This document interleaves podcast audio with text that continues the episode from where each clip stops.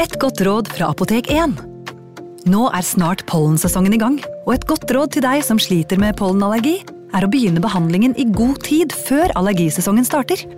Da får du nemlig enda bedre effekt av legemidlene, og så blir ikke våren din helt ødelagt. Kom innom og få råd på ditt nærmeste Apotek 1, eller chat med oss på apotek1.no. Apotek 1 vår kunnskap, din trygghet.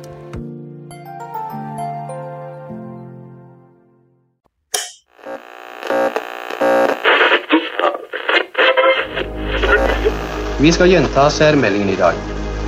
Nummer én Kjerringa er galen.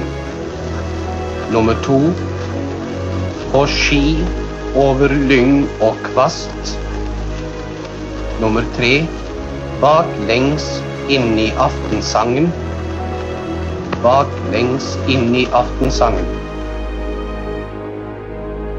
I Adresseavisen den 5. januar 1944 så sto det en dødsannonse på trykk. Hva sto det der, Eirik Veum? Den var ganske enkel og kortfattet. Der sto det at eh, min kjære sønn, vår far, vår bror og min nevø, Carl Ludvig Adding, døde den 30.12.43, 30 år gammel. Trondheim 4.1.44. Mm. Anna Lund, Karin, Margaret Nilsen, Georg Eliassen jr. og Sofie Lund. Det var de som hadde satt navnet sine der. Og så var det en litt spesiell dødsannonse, for det sto ikke noe sånn 'hvil i fred' eller 'sovnet stille inn' eller noe sånt. Eh, Det var det jo i og for seg ofte vanlig å ha i dødsannonsen også på den tiden. Det, det sto heller ikke noe om når han skulle bisettes. Det var kun da denne korte meldingen om at Carl Ludvig Adding eh, da var, eh, var død. Um, så kom det en eh, notis seinere om at han skulle gravlegges dagen etter, eh, klokka 14, i noe som het tilfred, Tilfredshet kapell. Ja, og da hadde man, i, da hadde man tatt med en eh, yrkestittel, disponent, Mm.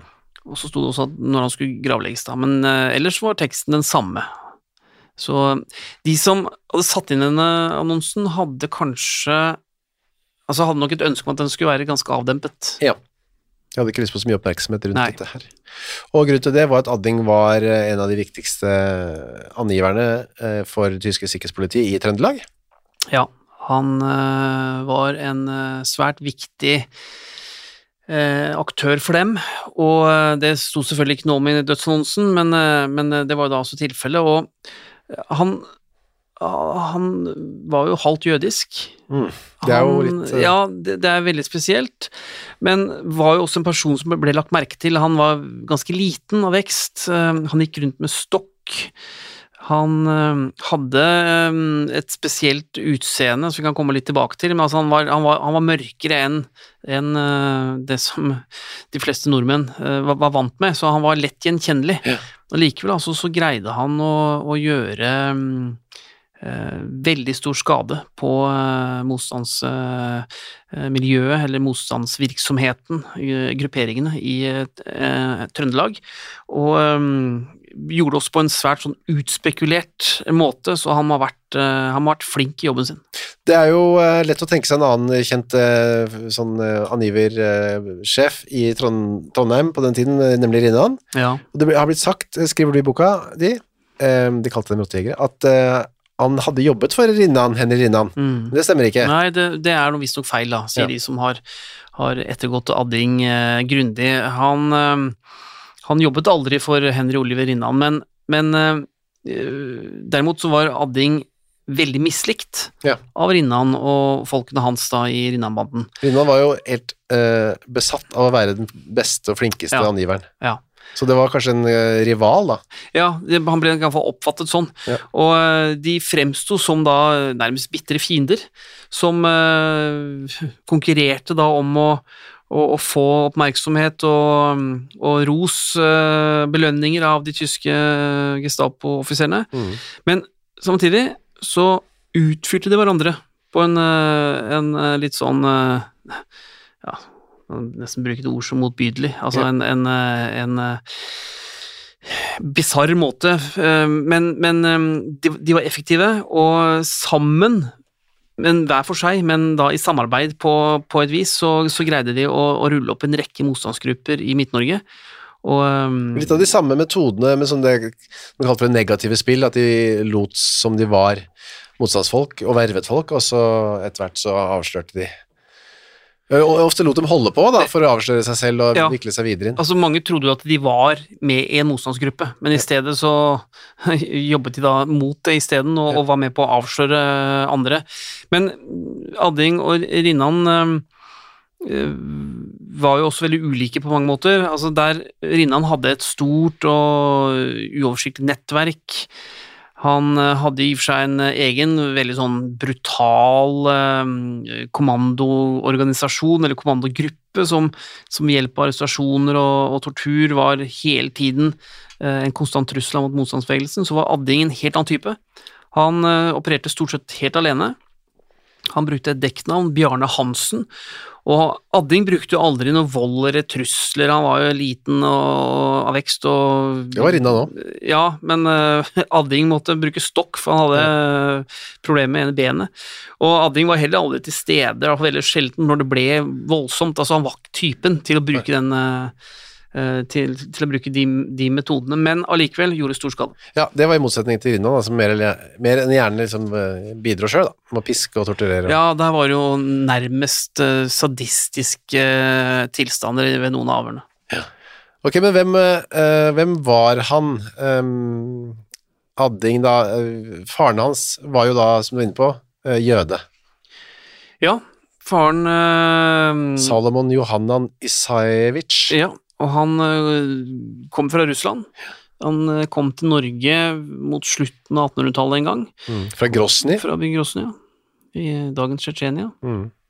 Og i den perioden her så kom det jo mange jødiske innvandrere da, til Norge fra, fra Russland og, og andre østeuropeiske stater, og flere av dem etablerte seg eh, i Oslo, eh, en del også i Trondheim. Mm. Og eh, pappaen til Carl Ludvig, da, han, eh, han eh, slo da seg opp som kjøpmann, som så mange andre jøder. Og eh, giftet seg, og, og etter hvert så, så fikk de jo da eh, Carl, eh, Carl Ludvig. Han giftet seg med den, eh, Anna Carolina Lund. Mm. Dette etternavnet hørte vi jo i dødsannonsene. Ja. 38 år var han da, så 15 år yngre var hun, så 23 da. Mm. De flytta til Stord, hvor Carl Ludvig ble født. Ja. Jeg fikk to eldre søstre, hadde to eldre søstre der. Mm. Flyttet tilbake til Trøndelag, eh, og da var tre, så døde faren. Ja. Og nå begynner jo et ganske brokete familieliv da, å tegne seg her. Ja, det begynner jo åpenbart å bli, bli litt vanskelig.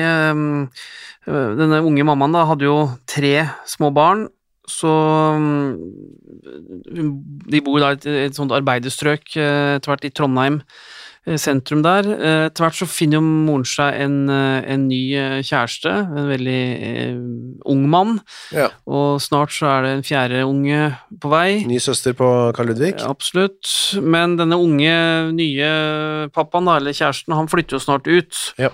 Og mammaen blir jo alene på nytt. Eh, Nå har hun fire små barn, Mm.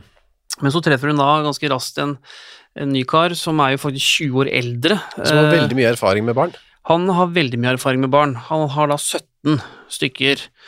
Det er mye selv da. Ja, 17 barn er jo, det er jo voldsomt, men han har det også da med fem ulike damer. Ja. Så, Han så tok ikke med seg alle de 17 barna hjem til eh, De får vi nesten håpe, da. Nei, det hadde blitt mye Ja. langbord. Men de tok iallfall um, Han hadde iallfall med seg en del ballast, kan man si. Og han greier jo også da å gjøre Karl Ludvigs mamma gravid ganske kjapt, så hun får jo da sin femte uh, unge. Og den kom jo da kun ett år etter at den forrige kjæresten flytta fra henne, så det har jo gått fort i Mm. svingene, kan man kanskje si. Ja. Og Så det var da meget enkle kår. De bodde i Fotveita, jeg vet ikke hvor det er, men det er en av disse veitene i Trondheim sentrum der, da, i Midtbyen sikkert. Ja, et uh, kall det arbeiderklassestrøk. Ja. Karl Ludvig gikk jo under navnet Kalle, og i det strøket han vokste opp, så var det store sosiale forskjeller, kan man si. Mm. Det var uh, mye klassekamp. Uh, I mellomkrigstida her så, så var det ja, personer og grupper fra den ganske radikale venstresida, ja, kommunister, som var veldig aktive. Ja. Og uh, flere av, av Kalles venner, da, de ble jo aktive såkalte ungkommunister. Og så var det en del av dem som gikk inn i avholdsbevegelsen. IOGT. Vet, så, du, vet du noe om han eh, liksom praktis, Han var ikke praktiserende jøde, han anså seg ikke selv som jøde, da? Får vi kanskje gjette oss til, eller? Ja, det er ikke funnet noe, noe, noe spor etter det, eh, og pappaen dør jo, Tidlig. og som, som eh, Altså, han var jo jødisk, mammaen var jo ikke det, men, men jeg har ikke funnet noe spor etter at det ble praktisert eh, tro. Nei. Det som skjer er jo en litt dramatisk, eh, flere dramatiske ting i barndommen, da, blant annet at begge de to eldre søstrene hans eh, dør. Ja, det stemmer. Nå var det jo i og for seg ikke barnedødsfall så uvanlig eh, på den tida, men det er like spesielt at eh, begge de to eldre søstrene eh, går bort i ung alder. Og selv så er han også involvert i en ganske alvorlig ulykke som skulle følge han resten av livet. Han var jo da ute og, og akte med noen, eh, noen kamerater, eller to, to tvillingbrødre. Ja. Og så har de da en kjelke og um, kolliderer da med sånn piggtrådgjerde. Da er jo ikke Karl Ludvig eh, gamle gutten, men han får da en skade i beinet hvor en av disse piggene har satt seg fast inni låret. Mm. Og så får han betennelse i det såret, og, øh, og, som blir da infisert. Og etter hvert så må han uh, få behandling, Ja, få po polymyelitt, ja, ikke? Altså, stemmer, polym. Mm. stemmer. Og han mister jo etter hvert også førligheten da i, uh, i deler av beinet. Og han blir aldri bra igjen heller, så, så resten av livet så er han helt avhengig av å gå med stokk. Så han, han halter jo. Så den er lett å få øye på. Han er ikke en som glir inn i mengden, da, Karl Ludvig. Nei, og han sliter jo med å, øh, å, å skaffe seg jobb. Han er jo da Selv om han er halvt jødisk, så, så er, han, øh, er han øh, veldig mørk. Mm. Og han har jo også fortsatt farens etternavn, yep. Isajevic. Eh, Så det er klart eh, Han har problemer med å komme seg ut i arbeidslivet, og føler nok eh, at det er ganske vanskelig, iallfall så er det mye som tyder på det. Men det skjer ting den 9. april 1940, da får han seg plutselig en Det åpner seg opp en uh, yrkes... Uh, I hvert fall nye arbeidsgivere til, kommer til landet. Ja, han eh, får seg jobb eh, på Værnes, eh, hvor han eh, da eh, arbeider for tyskerne.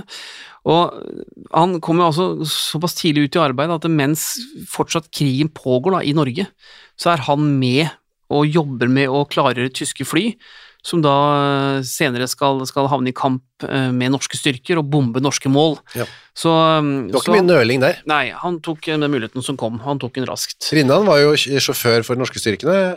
Berode. Han brukte liksom litt lengre tid på å komme seg Mm. over.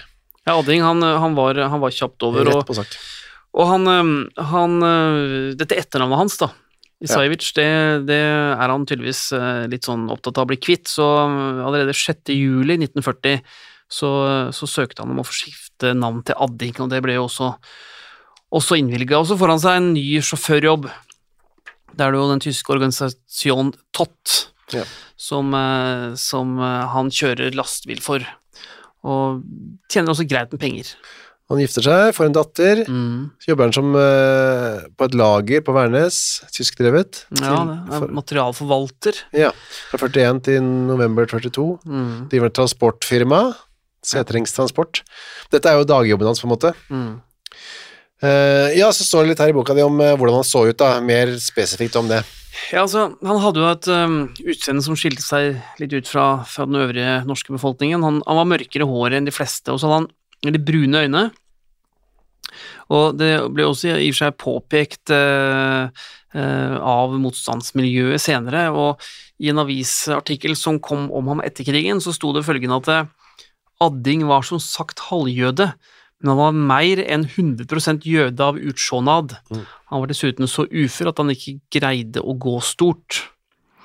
Og etter hvert så ble det eh, Etter hvert som Adding da begynte å jobbe mer og mer for det tyske sikkerhetspolitiet, og, og ble mistenkt for å være angiver, så kom det også rapporter om, om ham.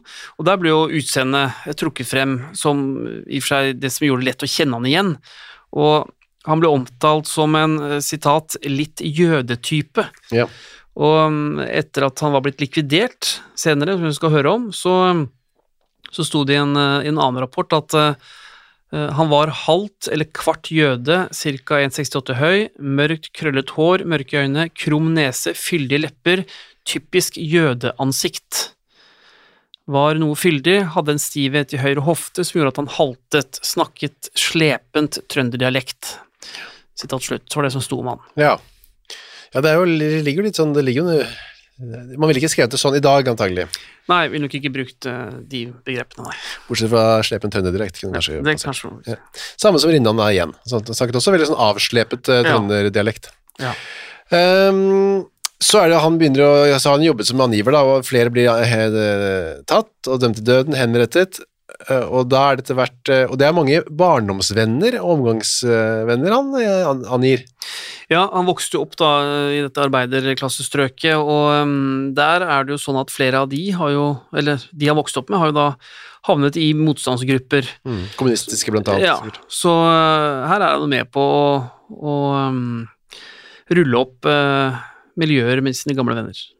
Ja, og vi vet jo ikke noe om hvorfor. Altså, med Rinnan så var det jo det er så lett å psykologisere han, fordi han hadde vært så utenfor og mobba, var så liten og holdt utafor og hengt opp i kroker og sånn, men uh, vi vet jo ikke så mye om hva er som er motivet her. Hvorfor plutselig så, angir han alle barndomsvennene sine? Ja, nei, det, vet Vi- vi ikke. vi vet ikke. Uh, Men uh, det er klart uh, Han var jo ikke veldig politisk aktiv. Nei. Og uh, det er ikke mange tegn på at han, uh, han var noen sånn overbevist uh, nazist eller NS-tilhenger eller noe sånt noe heller, så da er det jo én mulighet igjen, og det er at det er noe økonomi her. Penger. At det er penger, rett og slett. En annen ting som gjorde at han ble mm, mistenkt av motstandsfolk, var at han eh, var ganske sånn åpen på flykt- flyktningtransport, som da var på en måte fiktiv, da, men var jo reell på et vis også. Mm. Men det, han gikk alltid så greit gjennom kontroller, og det var ingen som sjekka han. Han slapp så lett unna. Ja, og det er jo de første eller noen av de første tegnene da, på at eh, han eh, er inne med tyskerne på et eller annet vis, det er jo at man merker at han, han får lov til å holde på uten, eh, uten, uten, uten å bli stoppa, Ja. og, og kommer seg lett gjennom kontroller. Eh, Når, når det kommer til sperringer, så slipper han litt for lett igjennom. Det er litt for dårlig kontroll av akkurat han og bilen som han kjører, Ja. som gjør at, eh, at, eh, man, at den mistanken er økende da utover i, i, i 1943, og så er det da en hendelse som, som blir bekreftelsen. Ja, en, et vendepunkt, ja. Og det var da natt til 18. november 43, og da var det en som het Odd Vullum, som skulle flykte til Sverige. Mhm. Og øh, der øh, Han har jo vært fengslet, øh, han har blitt torturert av folk fra Brinnan-banden, blant annet. Han hadde en tilknytning til noe som het Ver- Verdal-gruppen, Ja. kommunistisk motstandsgruppe. Ja. Og så var han blitt dømt til døden, men var nå greid å stikke av. Og øh, hadde i og for seg på helt sånt utrolig vis da, greid å komme seg ut av fengselet ved å slå ned en fangevokter. Folk rømte eh, ikke så lent sjelden på den tiden der. Nei da, de fleste greide det ikke. Nei. Men eh, Noen klarte det i hvert fall. Noen greide det, og, og klart når alternativet var å bli skutt, eh, Ja, det det. så hadde man kanskje ikke så mye å tape på det. God motivasjon. Da holdt han seg i dekning etter å ha klart å komme seg unna fengsel, og så skulle han da kjøres over til Sverige. Ja. Og så er, er det vel noe sånn som at den sjåføren da, som, som skulle ta med seg, hadde fått eh, ødelagt eh, bilen sin. Mm. Så man forsøker da å finne en annen løsning. En annen på, sjåfør, ja. En annen sjåfør, ja. På å, å, å, å få da Vullum eh, over grensa. Men eh, og, og, og foreløpig så er det jo noen som har mistanke til Karl Carl Ludvig Adding, men ikke så mange. Og fortsatt så er han inne med, med store deler av uh, motstandsmiljøet. Han er jo en uh, veldig hyggelig, vennlig uh, fyr som har hjulpet til før, iallfall tror man det. Mm. Så når han kommer og tilbyr seg å, å hjelpe dem, så um, ved, ved at han blir spurt, da, og han sier at ja, jeg vil gjerne hjelpe til, så, så velger de å bruke, bruke Adding og bilen hans. En egen en Mercedes som han har, da. Mercedes. Samme som Rinnan, altså. Egen Ja, Mercedes. ja. Da skal de kjøre Vullum og noen andre, par andre, motstandsfolk, til Stjørdal, Yep. og derfra skulle de tas videre av noen andre da, til grensen. Mm. Og, Ja. Og da er det det som skal skje. Da legger Vullum seg i bagasjerommet. ja, for de andre som er med, de er jo ikke etterlyst, de Nei. er jo Vullum. Så han plasseres da i bagasjerommet, mens de andre sitter da inne i bilen. Og Vullum får en, eller har en pistol i lomma.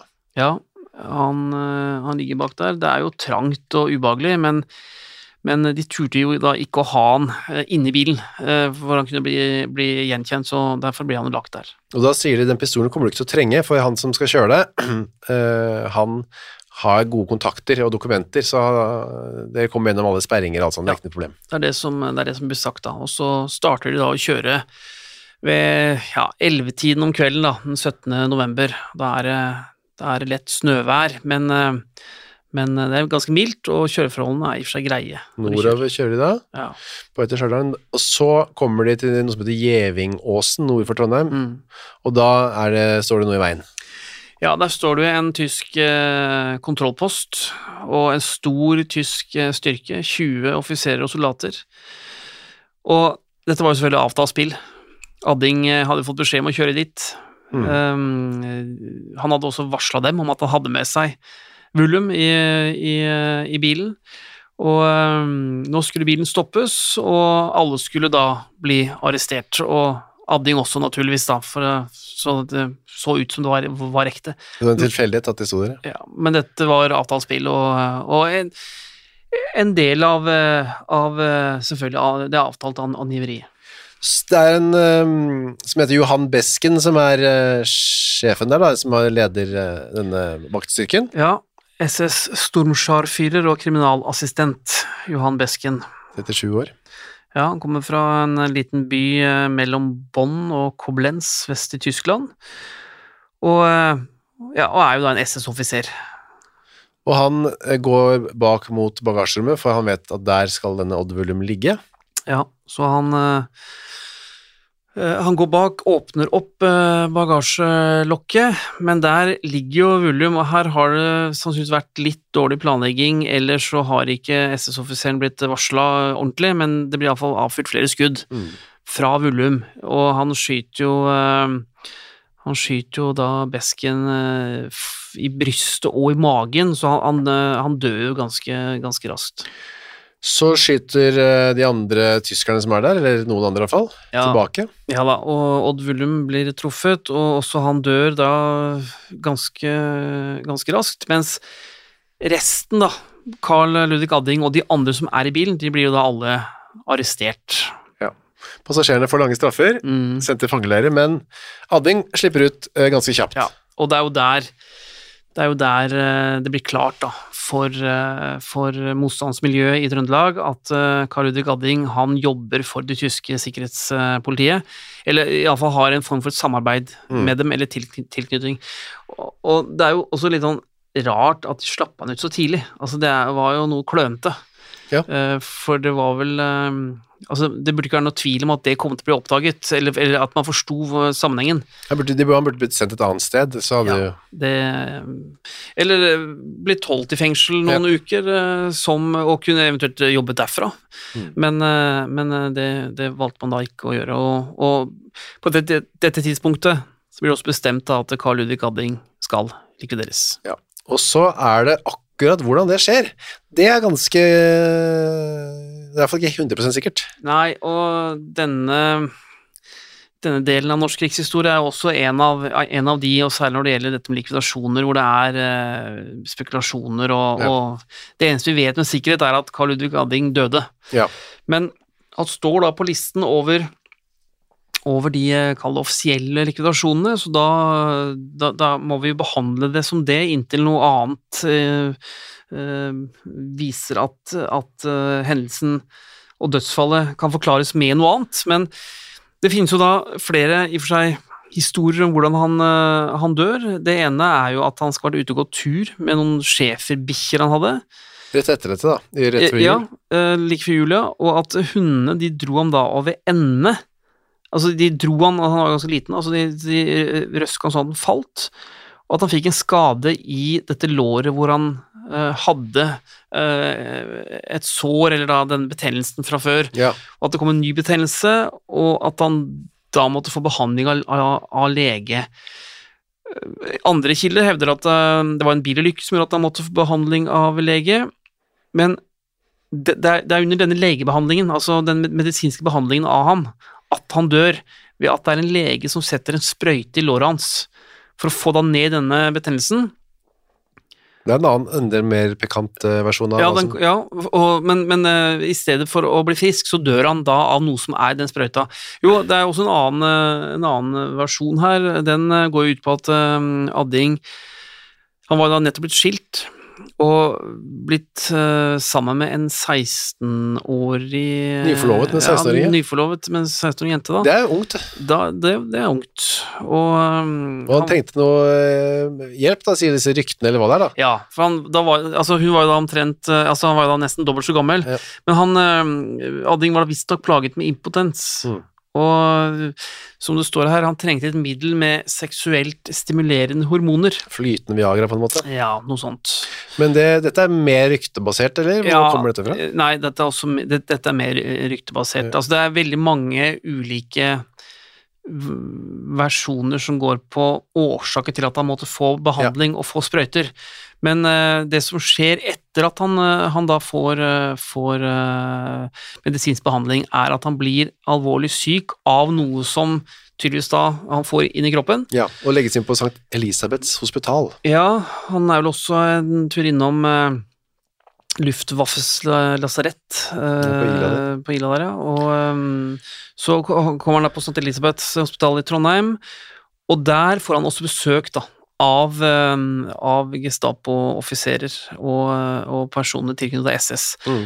Um, og sjefen for det tyske sikkerhetspolitiet kommer jo også og besøker ham, og de er jo ganske sikre da på at, at eh, noen har forsøkt å ta livet av eh, Adding Med denne skitne sprøyten, ja. med denne sprøyten. Ja. Om den var skitten eller om den inneholdt gift, det, det får vi aldri vite. Men han selv mente at det var en uren sprøyte. Ja, uh, og um, han fikk jo etter hvert da um, Han fikk jo etter hvert da eh, eh, blodforgiftning.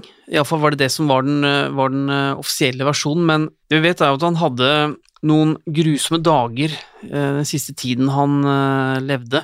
Addi mistet jo etter hvert synet, altså han ble blind, og som det ble sagt, det var også som om kroppen hans råtnet opp innvendig.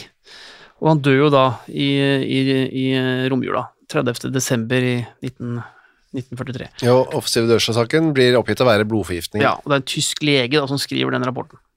Men politiet tror ikke det er en ulykke.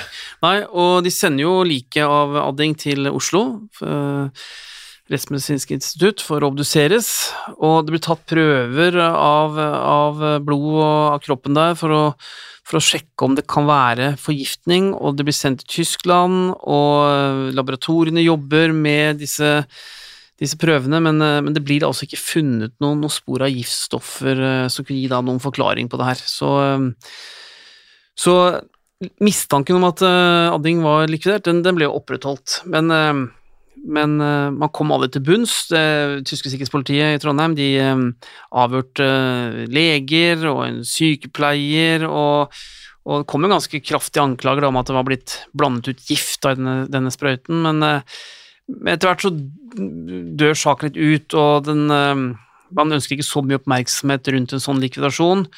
Og, og for tysk sikkerhetspoliti så er det viktig at det heller ikke blir kjent ute i samfunnet at, eh, at Adding hadde vært angiver, eh, eller tysk agent, Fordi det fremdeles var en Ja. del sånne kontakter der ute, da. ja, som, som, eh, som trodde de hadde vært med på et virkelig motstandsarbeid. Ja, som trodde at han var en Ja. eh, på deres side. Ja.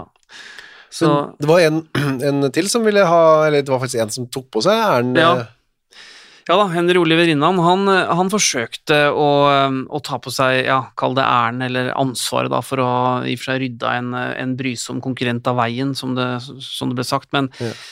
Og, og, og det, det ble spekulert i det ganske lenge, om han hadde vært involvert, altså Rinnan, men den teorien ble også lagt bort etter hvert, og, og eh, da rinnanbanden Rinnan-banden sto for retten i april 46, så var ikke denne likvidasjonen her noe tema. Så eh, det ble aldri Man, man, man gikk aldri, aldri videre på det sporet. Men så er det det nærmeste man kommer der, Til slutt så har man på en måte sirklet inn to muligheter. Ja, vi må jo Vi må jo da eh, Eller vi må da til november 1945, så er det jo da en lege som er i et avhør med, med, med politiet i eh, Dette er etter krigen, da. Dette er etter krigen, ja. Ja. Og er, er, da i avhør med, med politiet mm, i Trondheim, hvor han forteller at uh, han hadde vært en av de som satte sprøyter i Karl Ludvig Adding, og som førte til at han fikk betennelse og senere, senere døde. Og så er det i og for seg to navngitte leger som går inn her. Han ene heter Sverre Olaf Olafsen Nordli. Det var han du nevnte nå. Det var han jeg nevnte nå, og så er det en som eh, heter uh, Torleif Hove. Torleif Hove, ja. Og de to navnene er de som går igjen, eh, går igjen her. Men og, og, og, de ble aldri stilt til ansvar for dette her, naturligvis. Dette var jo motstandsarbeid. Men det at man har vært litt forsiktig kanskje med å gå videre på saken, er også at det er jo uansett hva og hvor viktig og riktig den likvidasjonen her var, så er det jo uansett, vil mange mene, et klart brudd på det en lege skal gjøre. Mm. En lege, en helsearbeider, skal ikke ta liv uansett hva som uh, Og hvor uh, riktig det måtte føles, og hvor viktig det ville, vært i en motstandskamp. Så begge de to legene er nå døde. De de gikk bort i, i, 1978 og i 1977, så vi får jo aldri svar. Men Men vi er ganske, ganske, sikre på at han ble drept, eller er det sånn litt usikker, Det er litt usikkert, ja. det, det, er ikke det er, det, er, en del usikkerhetsmomenter i, uh, i uh, dødsfallet til Carl Ludvig Adding, og det som også er uklart, er jo om døden kom som en viljet handling, ja. eller om det rett og slett var en betennelse pga. en uren sprøyte. Men eh, det får vi aldri vite, og han har hele tiden stått på oversikten over de som ble likvidert. Som har trodd at det var en. Fortsatt, ja. Nok en uh, litt sånn uh, gåtefullt, uh, gåtefull avslutning på en ganske fæl historie, da. Ja da. Det, den henger fortsatt litt og er litt, litt, uklar, men den er utrolig interessant å, å gå inn i. Takk for disse ti innblikkene i likvidasjonene fra din bok, da, Eirik Veum. De kalte dem rottejegere. Mm. Vi kom, vi har jo, det er jo mange flere å ta av.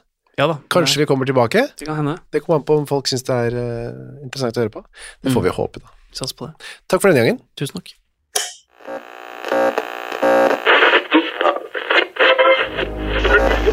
Vi skal gjenta særmeldingen i dag.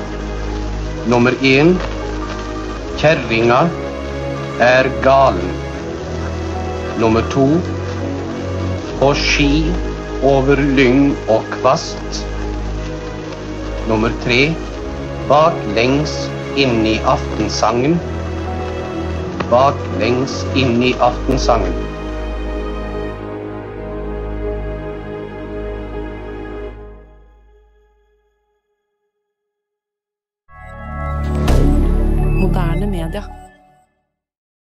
Har du et enkeltpersonforetak eller en liten bedrift? Da er du sikkert lei av å høre meg snakke om hvor enkelt det er med kvitteringer og bilag i fiken, så vi eh, gir oss her, vi. Fordi vi liker enkelt. Fiken superenkelt regnskap.